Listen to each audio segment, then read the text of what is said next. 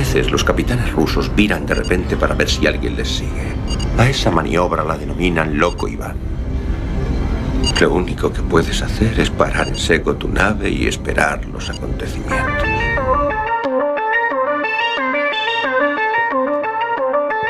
Galasphere 347 of Space Patrol calling unidentified ship. The not answering.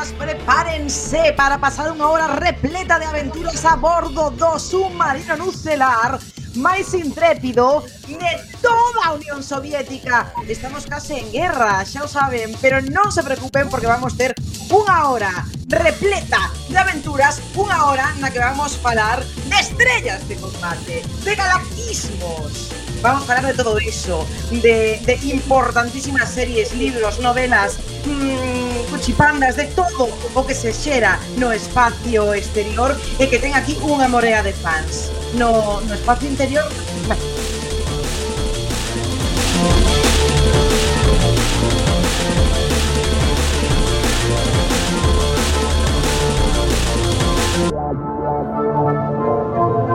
Please stand back from the automated door and wait for the security officer to verify your identity. Exiting the train, be sure to check your area for personal belongings.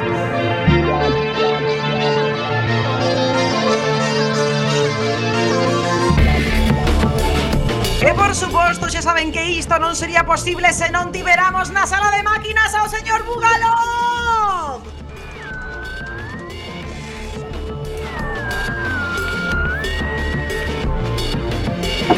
Se non tiveramos, por suposto, a súa beira, a súa esquerda, planexando mal, pensando como poder facer deste mundo un lugar moito peor. Aí está a comandante Beosca. Sí, eso da estrela da morte soa moi ben, eh? O que pasa que aquí no submarino realmente do que máis sabemos é de estrelas de mar, pero bueno. Roendo libros, roendo páxinas, páxinas con, con mo, eh, nas importantes bibliotecas, roubando códices calistinos menos. Aí está o Tovarixes Membrellev. Boas noites a todas e a todos. Temos tamén a moita máis parte da tripulación que está de viaxe interestelar pero que nos deixou unhas misivas. Vamos a falar nun momento con eles. Saudamos a capitana Esbletani Barruri. Eh, isto era Coibán. Comezamos!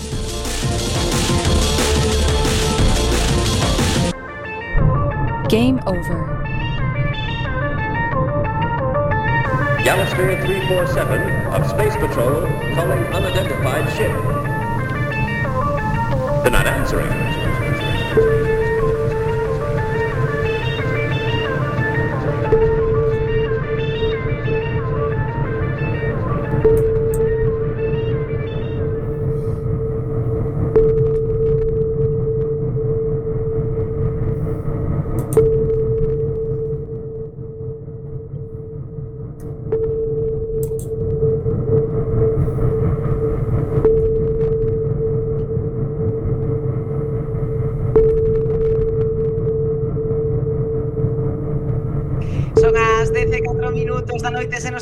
escoitando en directo aquí na sintonía de Cuac FM e se non, se nos estáis escoitando no podcast ou por algunha outra canle, pois pode ser a hora que ti queiras, do día da noite, podes estar, pois, bueno, podes estar facendo case, case o que queiras, que non nos importa, pero todo o que fagas, faino con limpeza. Eh, unha cousa que vos conto, algúns días as cousas non salen, e outros días as cousas non salen nin intentando. Algúns días as cousas simplemente non saen. E estos son os días que nunca acaba. Algúnas noites respiras lume. E algunhas noites parece que estás tallado en xeo. Algunhas noites non te pareces a nada que viras antes ou que algunha vez verei. Eh, que vos parece? Moi bueno, romántico, capitana. Por que? Porque, por suposto, hoxe 21 de xaneiro do ano 2022 dedicamos este gran futuro gran programa de Loco Iván a Marvin Lee Eady que quen é? Pois a puta mi blog eh, nada, eh, será o que sexa pero morreu unha, vamos, a voz do, do Rocos 74 anos eh, de...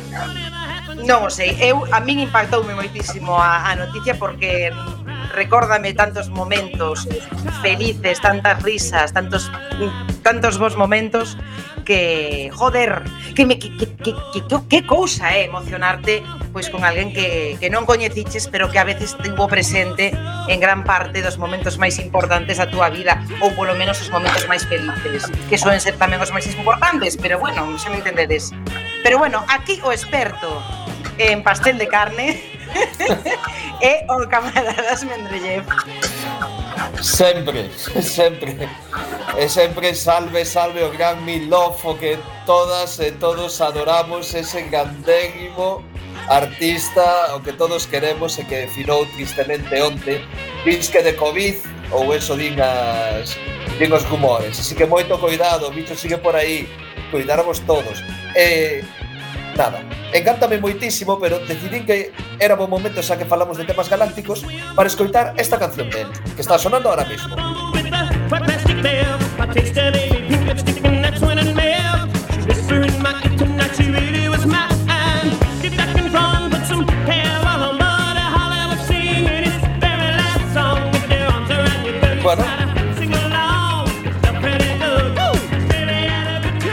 E que poderíamos decir desta peza? Non é das máis coñecidas del, non é I Will Do I Will Do Everything For Love, ni ninguna destas. É que non me saía, estaba aí trabado eu co inglés, dios mío.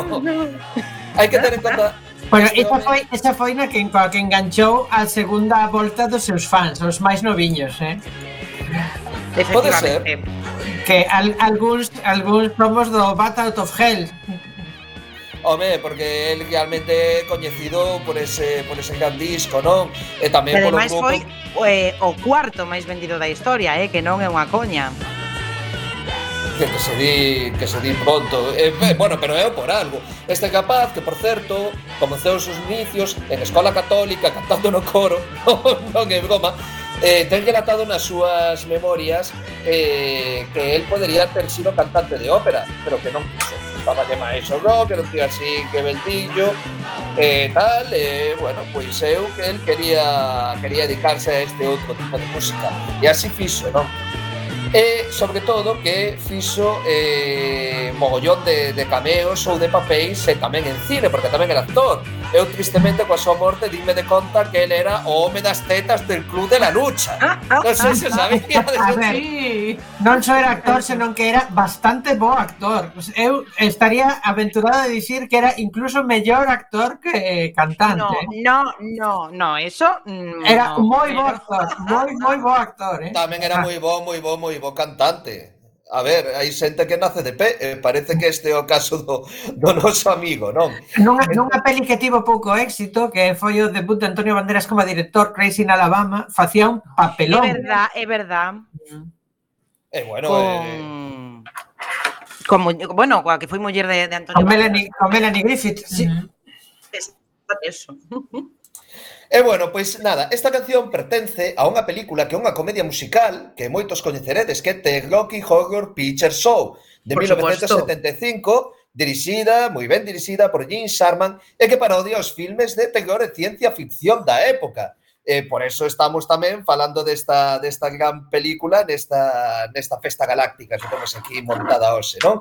Un guión de Richard O'Brien e Sharman, está protagonizada por Tim Curry, que xa sobre a Tim Curry da guisa que xa na película, xa paga a pena a película, está Susan Sarandon e Barry Boustic como Brad, ¿no? de outro, outro personaxe principal. E está baseado na montaxe musical británica de Rocky Horror Show. Está considerado un clásico de culto, eu penso que seguramente moitos de nós fomos a verla ao cine nun pase de noite, porque foi un dos primeiros eh, filmes dun estudio maior tamén que empezou a facer pases de, de noite para adultos, non? Disfrazados, que é o que fai a xente. Vamos, cantamos a Time Warp, que é a canción máis coñecida deles, E, bueno, inda que os críticos a veces achacanlle que non ten moita liña argumental, é certo que é un pouco así lisérquica, o estilo Eso que ten... é o de menos. A ver, é máis, é máis unha performance, non? Que é unha película. Que é unha película, sí. efectivamente.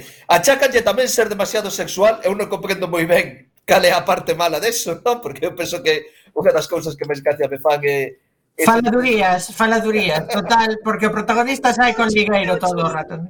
Bah. E, de feito, 30 anos despois segue a ser presentada en salas de, de todo o mundo, non? Entón, pois, eh, de feito, está, foi seleccionada eh, polo bibliotecario do Congreso dos Estados Unidos, Jane G. Billington, no 2005, para pasar a ser preservada no National Film Registry, unha colección de só 450 filmes que se supone que son pois a repanocha de toda americana, non? É unha película que é de ciencia ficción, inda que non o, inda que non o pareza, non? É que, de feito, eh, bueno, as cancións máis coñecidas que te é Science Fiction Double Picture, que é tal vez a máis coñecida, con Time Warp, e a historia narra un criminólogo, interpretado por Charles Guy, que fala dunha parella de, de así de xente un pouco mojigata, que Brad Majors e Janet Weiss, que son Paggy Busty que Susan Sarandon, que de pronto se perden, acaban nunha especie de castelo aí de lenda. Eles non saben que chegan para a Convención Anual de Transilvania, Transilvania non o país eh, de centro oeste Europa, sen Transilvania, a galaxia Transilvania, e asisten, e ainda mollados polo chaiba, o baile dos eh, decadentes transilvanos, o Time Warp. E aí onde te coñecen a Tim Curry encarnando o Dr. Frankenfurter, Este é o momento da segunda curte. Ah, hai unha segunda curte. Hai unha segunda, hai. A segunda curte, por favor.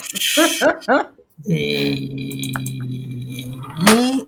Sí, sí, sí, sí, sí que hai, é certo. en algún sitio. How'd you do? I see you've met my faithful hand in hand. He's just a little brought down because when you knocked, he thought you were the candy man. Don't get strung up by the way I look. Don't judge a book by its cover. I'm not much of a man by the light of day, but by night I'm one hell of a lover. I'm just a sweet transvestite uh, from transsexual Transylvania. Let me show you a rhyme and maybe play you a sign. You look like you're both pretty groovy. Or if you want something visual that's not too abysmal, we could take in an old Steve Reeves movie. I'm glad. Moi ben, pois inda que non o creades, este que canta é o actor Tim Curry, tamén coñecido por ser entre outras moitas personas es o payaso de It, non? O payaso de It da, da miniserie que molaba. A, a miniserie que molaba, efectivamente. A, a personaxe de Frankenfurter é eh, a típica a, a típico papel que xustifica unha carreira inteira, eh, que non é o caso, non? Porque, porque ten moitas máis cousas. Porque ten moitas máis cousas, pero é que está soberbio é que está tan tremenda esta, esta peli, esta, é super especial. Bueno, él defínese a sí mesmo como un dulce travestida transilvania transexual, porque basicamente é un extraterrestre do planeta, bueno, eu penso que podo facer spoiler do Rocky Horror, non? Eu creo que xa, que xa se pode facer spoiler, sí, que a partir dos 20 anos se pode facer spoiler. A ver, se o tema, non, o, o, o, tema non é que non so, o sea, a ver, estamos a falar dunha peli que a xente sabe de memoria, non os diálogos, o sea, as non, cancións e todo. As cancións, claro. Pois bueno, pois este home é un extraterrestre da, do planeta transexual da galaxia Transilvania e ten dous servintes na súa casa, os irmáns Griff Gaff, que son Richard e Brian e Magenta, que a, nesa Ai, Magenta, por favor. Queen, que é gloriosa. E tamén ten unha groupie que, por certo, está namorada do Body Meat Love, eh, de Eddie, que é Columbia, interpretada por Nate Campbell, é un grupo de asistentes todos encocaos que están aí bailando a conga pois nunha festa que hai na casa, non?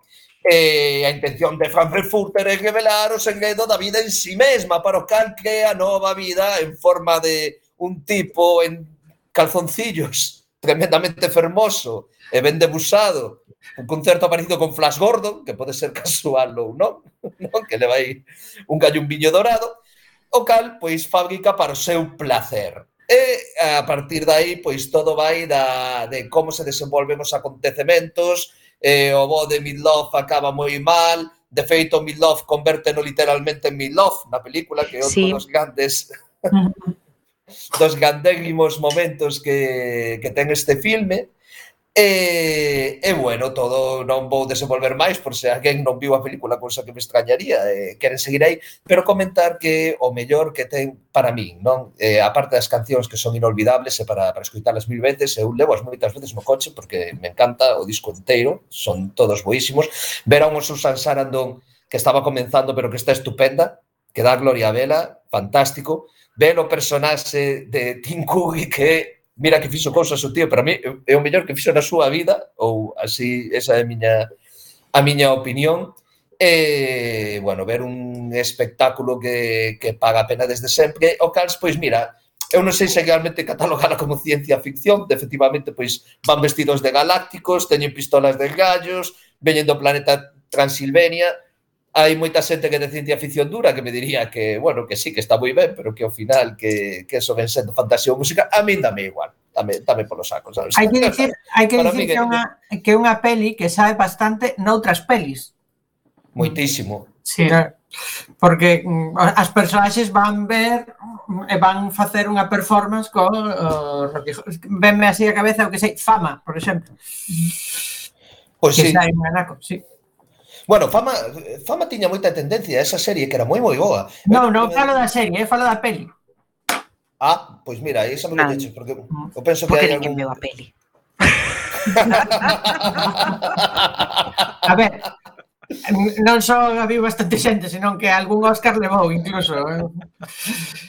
Non, eu pensei na serie porque sabes que había moitos episodios que eran cameos de outros musicais. Pois pues cais la fama, pero la fama cuesta, ya. E aquí sí. es donde vais a empezar a pagar. E Con sudor. Ser... claro. Debbie Harry aí marcou moita, o sea, todos os executivos nados nos 80 son devotos de Debbie Harry. E os, o sea, poñense calentís na intimidade antes de botar a bronca aos seus subordinados. a ver, era, era unha serie Levo desde hai anos calentins na intimidade eh, no espacio exterior. Por certo, unha cousa tamén que estamos eh, recordando eh, pois a, a Midlove e tamén curiosamente que hai pouco máis ou menos un ano tamén eh, nos deixaba eh, Gene Steinman que foi eh... pois un dos grandes compositores de, de moitos dos, dos grandes éxitos do, do noso amigo que hoxe que hoxe recordamos. Bueno, que de feito, como sempre que morre alguén coñecido, a xente saca a lingua a pacer e di parvadas, non? Pois parece ser que para despedirse do seu colega, pois que as frases que fixo o de o de Bildo foi algo parecido a eh, hasta luego, amigo, pronto nos veremos, e xa, plan, bueno, a ver, eu imagino que o pobre non, non esperaba que fose tan tan pronto, non? O mellor decía porque xa teñen unha idade e tal, desafortunadamente, pois xa certo que non tardou moito. Outro era máis novo que el, por certo, coido que polo menos eh, pouco máis anos. porque el morreu eh, bueno, non ten nada que ver o que estou dicindo agora mesmo, el morreu con 73 anos e con 74, pero Ah, pois eu pensaba que era máis novo, eh? Eh, pois non sei, sí. tiña esa idea na, na cabeza, igual porque como este era así máis máis gallenito, sabes? Pois me parecía máis bello cando eran dos capaz. Si, sí, no, dedo 47, eh, Midloth. Como Elton John, por exemplo. Mm. Con Elton John. E gustoume moito o comunicado que mandou a, a familia, non, para para, bueno, pois para dar a coñecer o pasamento do do noso menoseado eh, bueno, que efectivamente, pois como dicías, Mendeleev non se aclara ben a, os motivos da, da morte, morreu cos 74 anos, pero din dentro do seu corazón ata as vosas almas, nunca deixedes de roquear. E, joder, pois a min pareceme moi bonito isto para, para despedir a alguén que ao final, eh, de algún ou doutro xeito, pois vai estar sempre sempre igual polo menos no noso recordo e, e nas nosas orellas tamén. Eh, Algo máis? Non, nada máis. Eu só quería traer esta, esta película tan galáctica de, aproveitar, de paso aproveitar para recordar o bo de Eri, un dos personaxes de todos os que fixo 1900 dos que máis me mola pensa a súa brevidade, porque o pobre pronto despachan na, na película, no? pero esa entrada triunfal coa motocicleta desde Exacto. o congelador de alto frío eh, valeu eh, todo. Eh, Eu estou esperando que algunha vez veña alguén a buscarme en motocicleta. E bueno, de, que despois que non morra repentinamente. Eh, a continuación. A, ser posible. A ser no, posible. A por ser lo menos posible. non, non asesinado por Tim Cook e claro, vestido de, ah, claro. de travesti Margaret Thatcher cun piolet. se posible, claro, mellor, a ser no. posible morrear. Eh, eso sempre. Eh, bueno, eh, dicíamos antes na, na presentación desta travesía eh, desta travesía submarina que ademais temos moitos compañeiros eh, camaradas do submarino que hoxe están fora, pero que nos eh, deixaron eh, documentos claves para comprender do que falamos hoxe, que precisamente pois a parte de Midlove pois do espacio sideral e destas series, destas películas, desta produción cultural que ao final nos arrebata e nos encanta. Creo que temos o, o camarada Stajanov por aí perdido. Sí, Boa noite, tripulación. Aquí está Hanov, emitindo desde a Estación Espacial Internacional. Topo me retido por emitir propaganda comunista, pero conseguín piratear o sistema. Esta vai ser unha única toma, saia como saia. Dende a órbita da Terra, atendo a chamada da capitana para falarvos de The Expanse.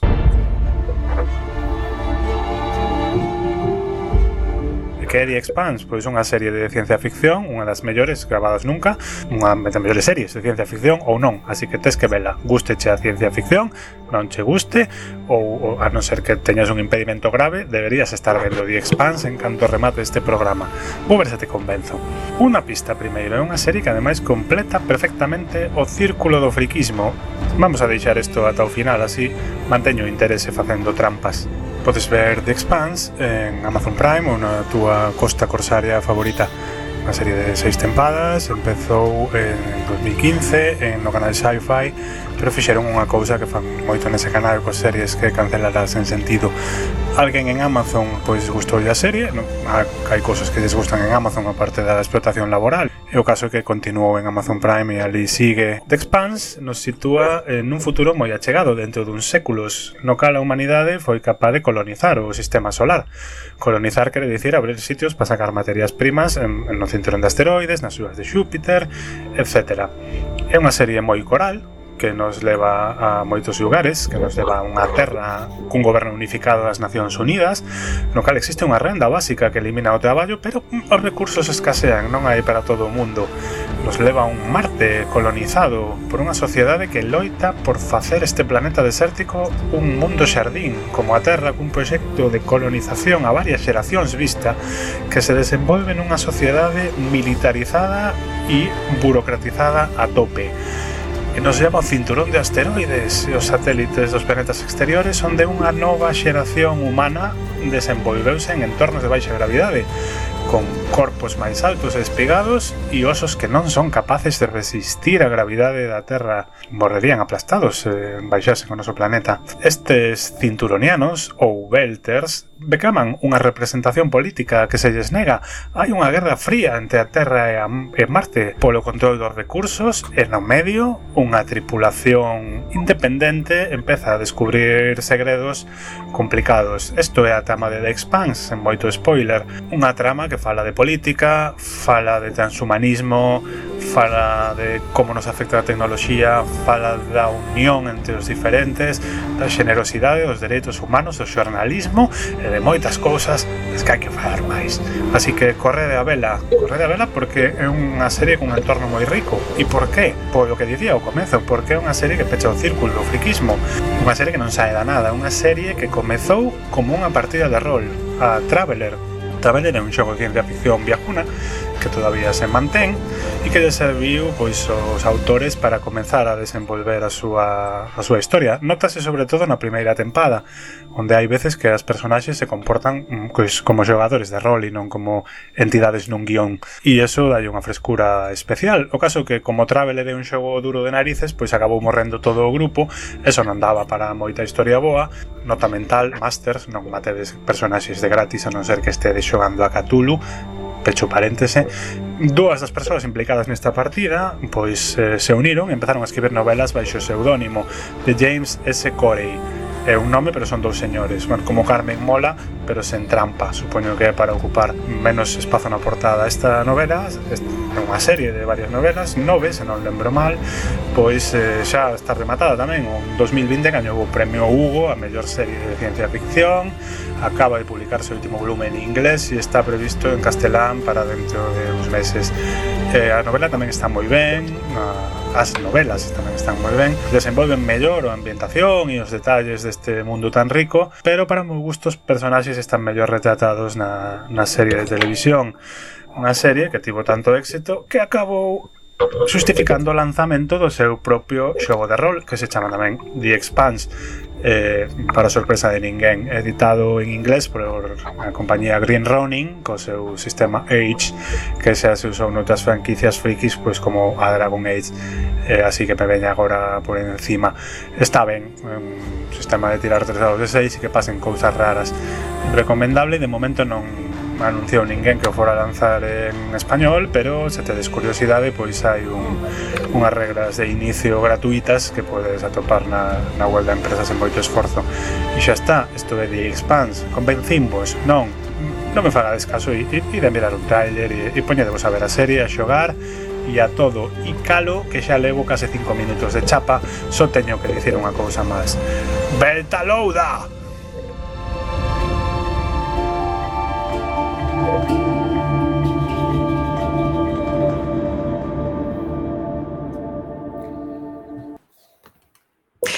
Pois preciosa, moitísimas gracias Estajanov, eh, dende logo eh, se non tivedeches ocasión de, de ver esta serie recomendo moito. E por certo que tamén grandes persoeiros entrevistados aquí nos la recomendaron como por exemplo eh, Borja Tosar, se non recordo mal. Efectivamente. Ah, Así no, que, ver, bueno. É, é unha seriaza, eh? Está moi ben. Acabou agora a sexta, a sexta tempada e non sei quen era o que o que comentaba outro día, a verdad que non recordo pois nestas charlas de, de submarino, se era Esmendrellev ou era Stajanov, de bueno, de como eh, que xa había pois moitos eh, post, eh, moitos escritos eh, en, en redes sociais de, bueno, de que forma mm, tan boa de acabar unha serie como acaba esta de, de Expanse, eh, decía, bueno, a ver se, se aprende un pouco eh, xogo de xogo de tronos. Home, bueno. ya te digo, hermano. a ver, cousas bueno. que acaben son ben.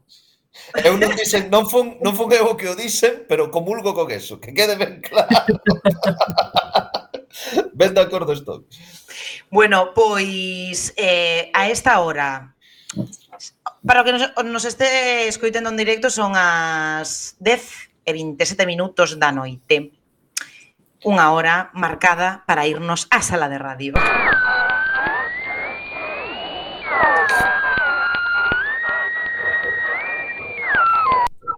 Pois a ver, que hoxe traio un xogo e unha homenaxe eh, a todo a todo Filispín. A ver se averiguades eh, a que corresponde esta musiquiña.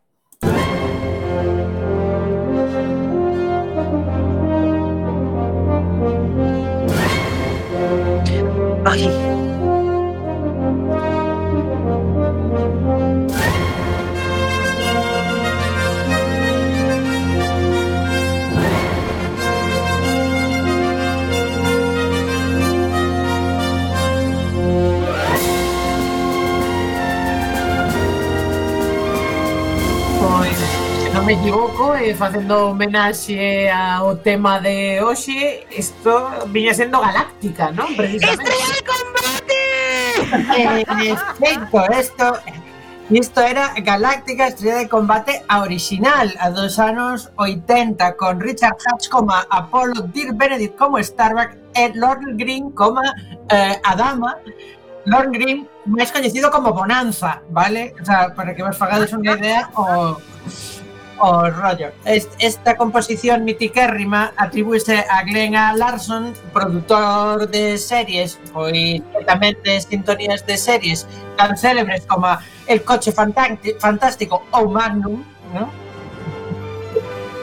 E a verdade é que a min personalmente mólame moito máis que a sintonía do remake que vos poño agora.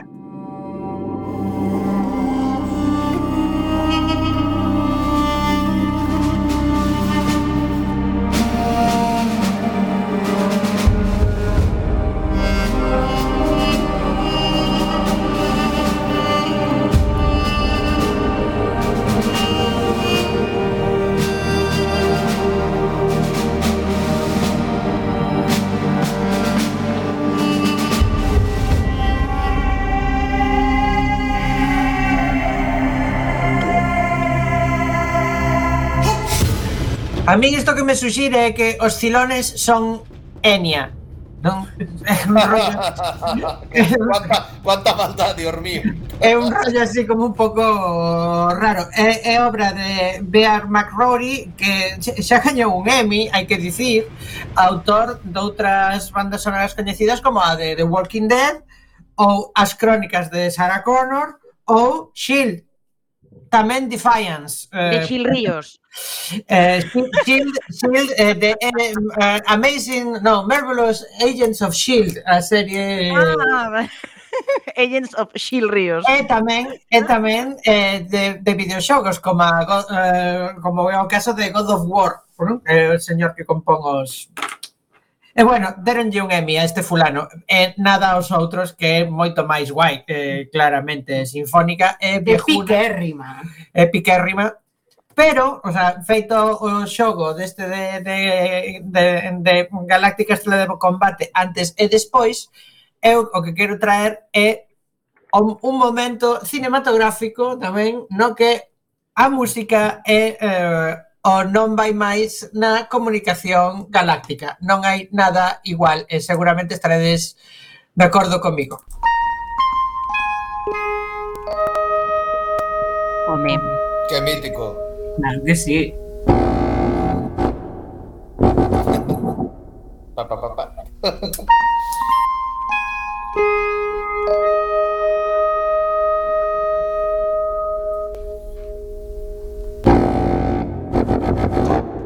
Y ahora ven aparte de cague.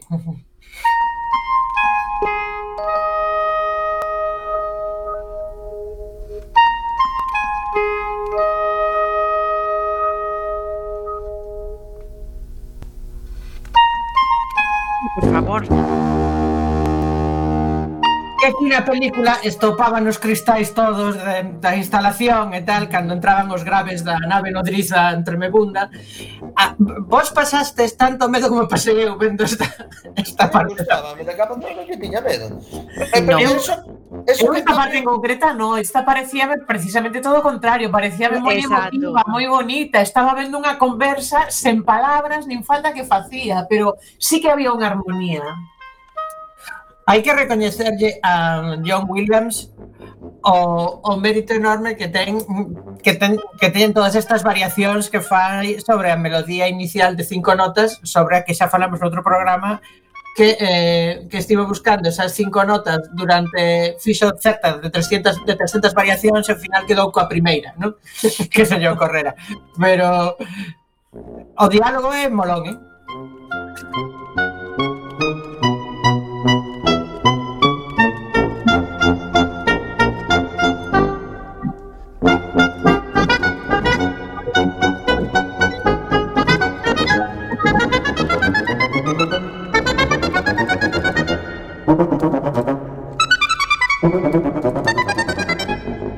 imagínome aí o señor Williams falando co seu clarinete ou a súa, e a súa e a tuba da súa orquesta dicindo non, mira, tendes que facer estes outros pesado, moi pesado, señor, déjenos ir a casa, non? Unha cousa así.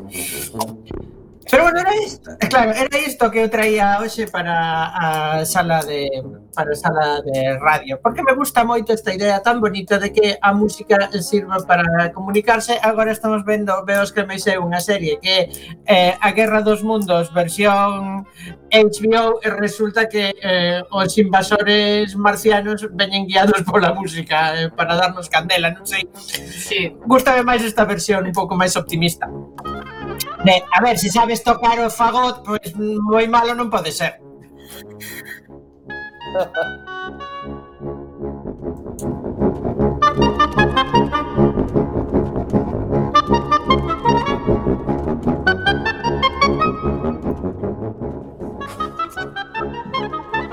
Capitaner, por min xa, eh? Ah, bueno, que sí, que eh, estábamos, estaba tan, tan fascinada. A ver, isto é unha, me isto é unha majarada boa, eh? O sea,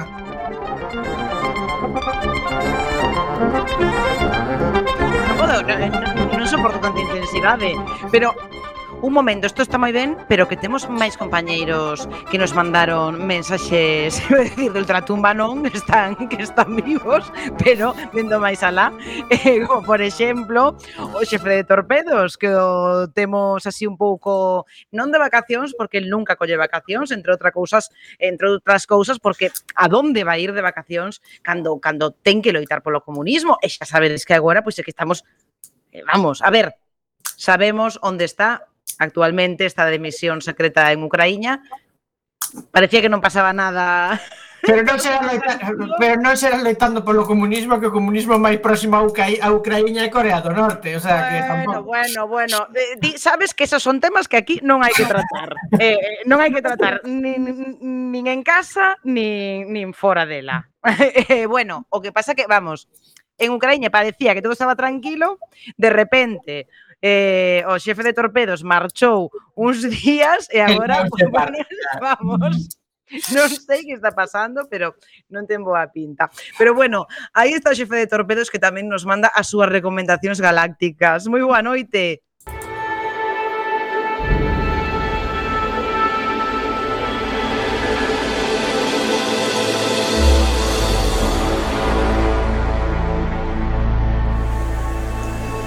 Hola camaradas, que tal? Bueno, pois, eu sei que o tema de ciencia ficción a verdade é que hai que recoñecer que é un dos, tem, dos xéneros máis populares ou polo menos o que máis afición xenera non? son recoñecidas as comunidades de friquerío varios que se formaron a raíz de series ou películas de Star Trek os coñecidos Trekkies non? ou Star Wars anda que non son as únicas non? Eh, tampouco podo afirmar cal é a causa de que se xeneren estas comunidades, pero tal vez sexa que a ciencia ficción estea relacionada co desenvolvemento tecnolóxico e que, bueno, e que digamos, este desenvolvemento inspirou moitos avances tecnolóxicos actuais ou ao revés. Moitas películas ou vídeos sobre ciencia ficción proxectan evolucións de tecnoloxías que xa existen, non? e as levan pois as as, as películas ou as series, os videoxogos como un desenvolvemento do, ou como unha evolución, como un avance das tecnoloxías que xa temos agora, non? Eh, pois isto engade o atractivo de poder imaginarse como poderían ser as sociedades do futuro. E ademais tamén permiten aos creadores falar indirectamente de temas delicados ou de temas que pois hoxe, digamos, unha película máis realista pois sería máis complicados de, de falar, e temas que tamén axudan a reflexionar sobre os problemas actuais da sociedade se relacionada directamente. E, na patria nai, eh, a nosa querida Unión Soviética, a ciencia ficción sempre foi un dos xéneros favoritos pola súa relación coa exploración espacial, coa conquista do cosmos. Xa dende, incluso dende antes de comenzar a carrera espacial, había ese, ese afán pola, pola conquista. Non? E xusto, bueno, pois ao comenzo de, pois, de, do, século, do século XX, despois da revolución, da gloriosa revolución soviética, houve numerosos autores de ciencia ficción que son moi recomendables, eh, os recomendo todos os seus libros, como pode ser os irmáns Strugatsky, que xa falei millóns de veces deles aquí, eh, Iván Yefremov, Olga Larionova, o Sergei Tarkovsky, o cineasta, ou tamén o coñecido, ainda que non era, bueno, non era realmente moi soviético, Stanislaw Lem, que era polaco, non? e bueno, moitos outros que agora non vou citar pero bueno, tamén hai que recoñecer que a comunidade que xeneran estes gloriosos autores soviéticos non é tan numerosa como a de Star Wars, non? justamente, claro. Pero, bueno, vim aquí a falar do meu libro, ou seja, de chorradillas que non interesan a ninguén, así que quería falar dun simulador de ciencia ficción chamado Elite Dangerous, que se publicou ao final de, de 2014, no último, no último trimestre de 2014. E dende entón non parou de, de medrar con múltiples actualizacións e dúas novas versións chamadas Odizons e, e Odyssey, e, sendo a última que engade a posibilidade de xogar con infantería en primeira persoa. É a cuarta versión do mítico Elite que revolucionou o mundo dos videoxogos no ano 84 e que moitos disfrutarían pois, en ordenadores como Spectrum 48, Commodore 64 eh, bueno, noutros xornales da época, incluso Amiga tamén. Foi o que se chama un creador de xéneros, eh, a nova entrega mantén ese espírito original, pero engadindo un mundo persistente, onde os xogadores poden verse entre sí, combaten, colaboran e as súas accións inciden no desenvolvemento do, do universo do xogo, no? que pode ser cambiante en función das accións que tomen, que tomen os xogadores. En Elite exploraron a, eh, podes explorar unha galaxia baseada na verdadeira Vía Láctea a escala real con alrededor de 400.000 millóns de sistemas estelares, con planetas e lúas que xeran en órbita en tempo real, con ciclo dinámico de día e de noite que vai cambiando, eh, está baseado en software de xeración por procedimentos, non? e de acordo con modelos científicos reais, é dicir, a cousa é pues, pois, pues, pois, o máis realista que se pode, non? que se coñece. De feito hai 150.000 sistemas estelares a partir de datos astronómicos do mundo real. David Braben, que é o seu creador, buscou sempre que en elite todo este a escala que debe estar, porque os planetas son de tamaño correcto, distancias entre os objetos tamén, e eh, as numerosas naves que se poden pilotar ou as estacións espaciais onde aterrizadas pois teñen tamén escalas reais, non? De feita comparativas en internet se poden ver o tamaño desas naves comparados con, pois, con avións reais de, de agora, non? Desde 2014 evolucionou moito e engadiu infinidade de opcións que, que fan que, bueno, que podas medrar dentro do videoxogo de diferentes xeitos. Aínda que tamén há moitas críticas, e a verdade que me sumo a bastantes delas, que din que ao final se está convertindo nunha especie de traballo virtual con tarefas que se desenvolven, pois eso, desenvolven o que se volven demasiado repetitivas, incluso tediosas. Podes comerciar, podes explorar, podes combatir, podes minar para conseguir materiais, realizar misións, facer de taxista espacial ou desenvolver enxeñería, eh, bueno, só por resumir un pouco do que se pode facer. Pero ao final moitas destas tarefas, por non dicir todas, acaban aburrindo por mecánicas e repetitivas, ainda que tamén, bueno, hai que recoñecer que o feito só de navegar pola galaxia coas gafas de realidade virtual é toda unha experiencia, non? porque está todo moi chulo, moi, moi ben deseñado.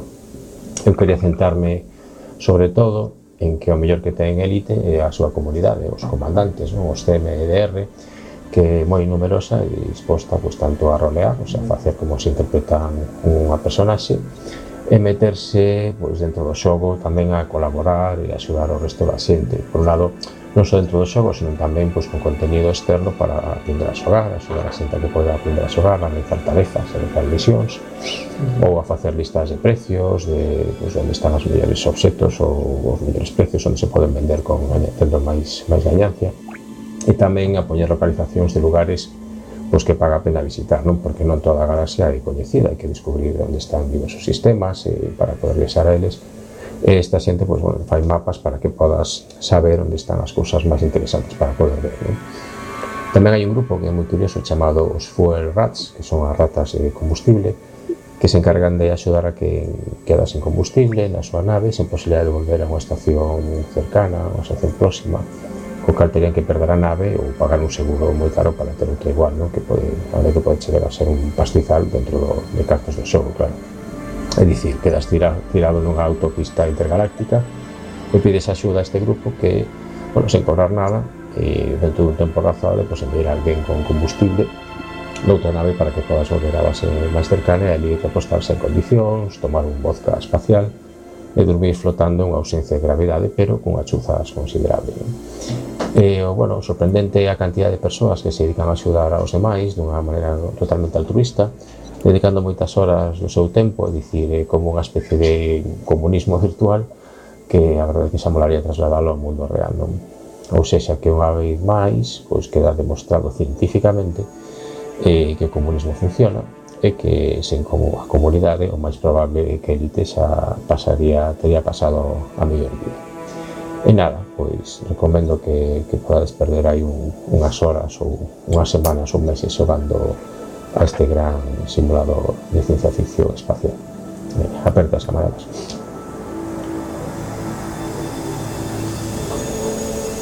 Unha aperta moi grande, eh, xefe de torpedos, que estaba estaba algo afónico, xefe de torpedos, pero eu creo que, bueno... Ou agochado eh, nun búnker. Claro, seguramente. Agochado nun búnker. É o seu espazo natural.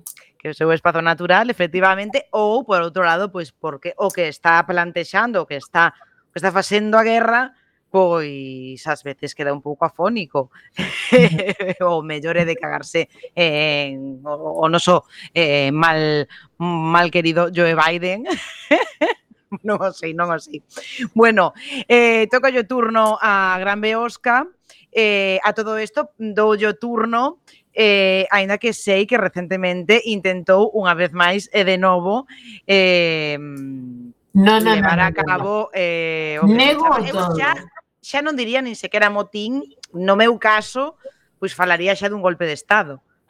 Nego todo. Neste, neste caso, encargouse a becaria, que, por certo, debo dicir que non fixe un mal traballo de fin de curso, pero, pero bueno, supoño que se hoxe non apareceu por aquí, vai ser por algo. A ver bueno, se non está por aquí eh, con non. Sei, non sei ti, recorda, recorda algunhas fotos da historia nas que houve xente que deixou de aparecer, bueno, tampouco xa. ninguén dixo nada, sabes? Así no, no momento ali, eh, pois ninguén foi a dicir, ah, entón, ti imagínate, se deixa de aparecer unha becaria, a ver, unha becaria, sabes? Un feuga, pero que, que, que eso? Non se vai notar. Voltará, voltará, bueno. sabemos que voltará. Bueno, voltará, pero voltará despois dunha eh, de que pase un tempo Correctivo. insertándose efectivamente nun gulag. Eh, efectivamente, por exemplo, nun gulag, eh, bueno, pois pues reflexionando e logo moi bonito esté, con vistas a outro gulag. Eh, efectivamente, cando xa este completamente pois pues, eh, alienada, pois pues, entón poder volver. eh, mentres tanto, bueno, eh, mandarelle algunhas botas de tacón para que lle saque lustre coa lingua. Eh, e agora, adiante si ve Osca, eh, ti xa estas cousas dos motinxas xa abandonaches, eh, dicheste conta de que non van a ningún lado. Eh, así que, por tanto, eh, querida compañeira e camarada, a miña man esquerda, eh, coméntanos. Pois hoxe veño falar do Mundo Anel mm, que non é o mundo disco, é outra cousa, pero bueno, como hai tempo xa que non falo de Terry claro. Pratchett, dixen, bueno, pois pues, de Terry Pratchett non, do mundo disco non, pero vou falar de algo parecido. O mundo anel. É un libro de ciencia ficción que escribiu en 1970 o escritor, psicólogo e matemático estadounidense Larry Niven. Eh, esta noveliña saiulle tan mala, tan mala que o ano seguinte gañou o Premio Hugo o Premio Nébula e o Premio Locus que son Carais, os pois, grandísimos claro. expoñentes da, da ciencia ficción. Eh, quero dicir, se é difícil levar só un destes premios e levar os tres, pois este triplete non o ten moita xente, ten moitísimo mérito. E de que vai este libro? Pois está situado no ano 2850, non queda nada, no que catro exploradores, dous humanos e dous alienígenas son enviados desde a Terra a explorar un mundo anel detectado no espazo. Que é un mundo anel? Pois é un anel xigantesco que rodea o Sol.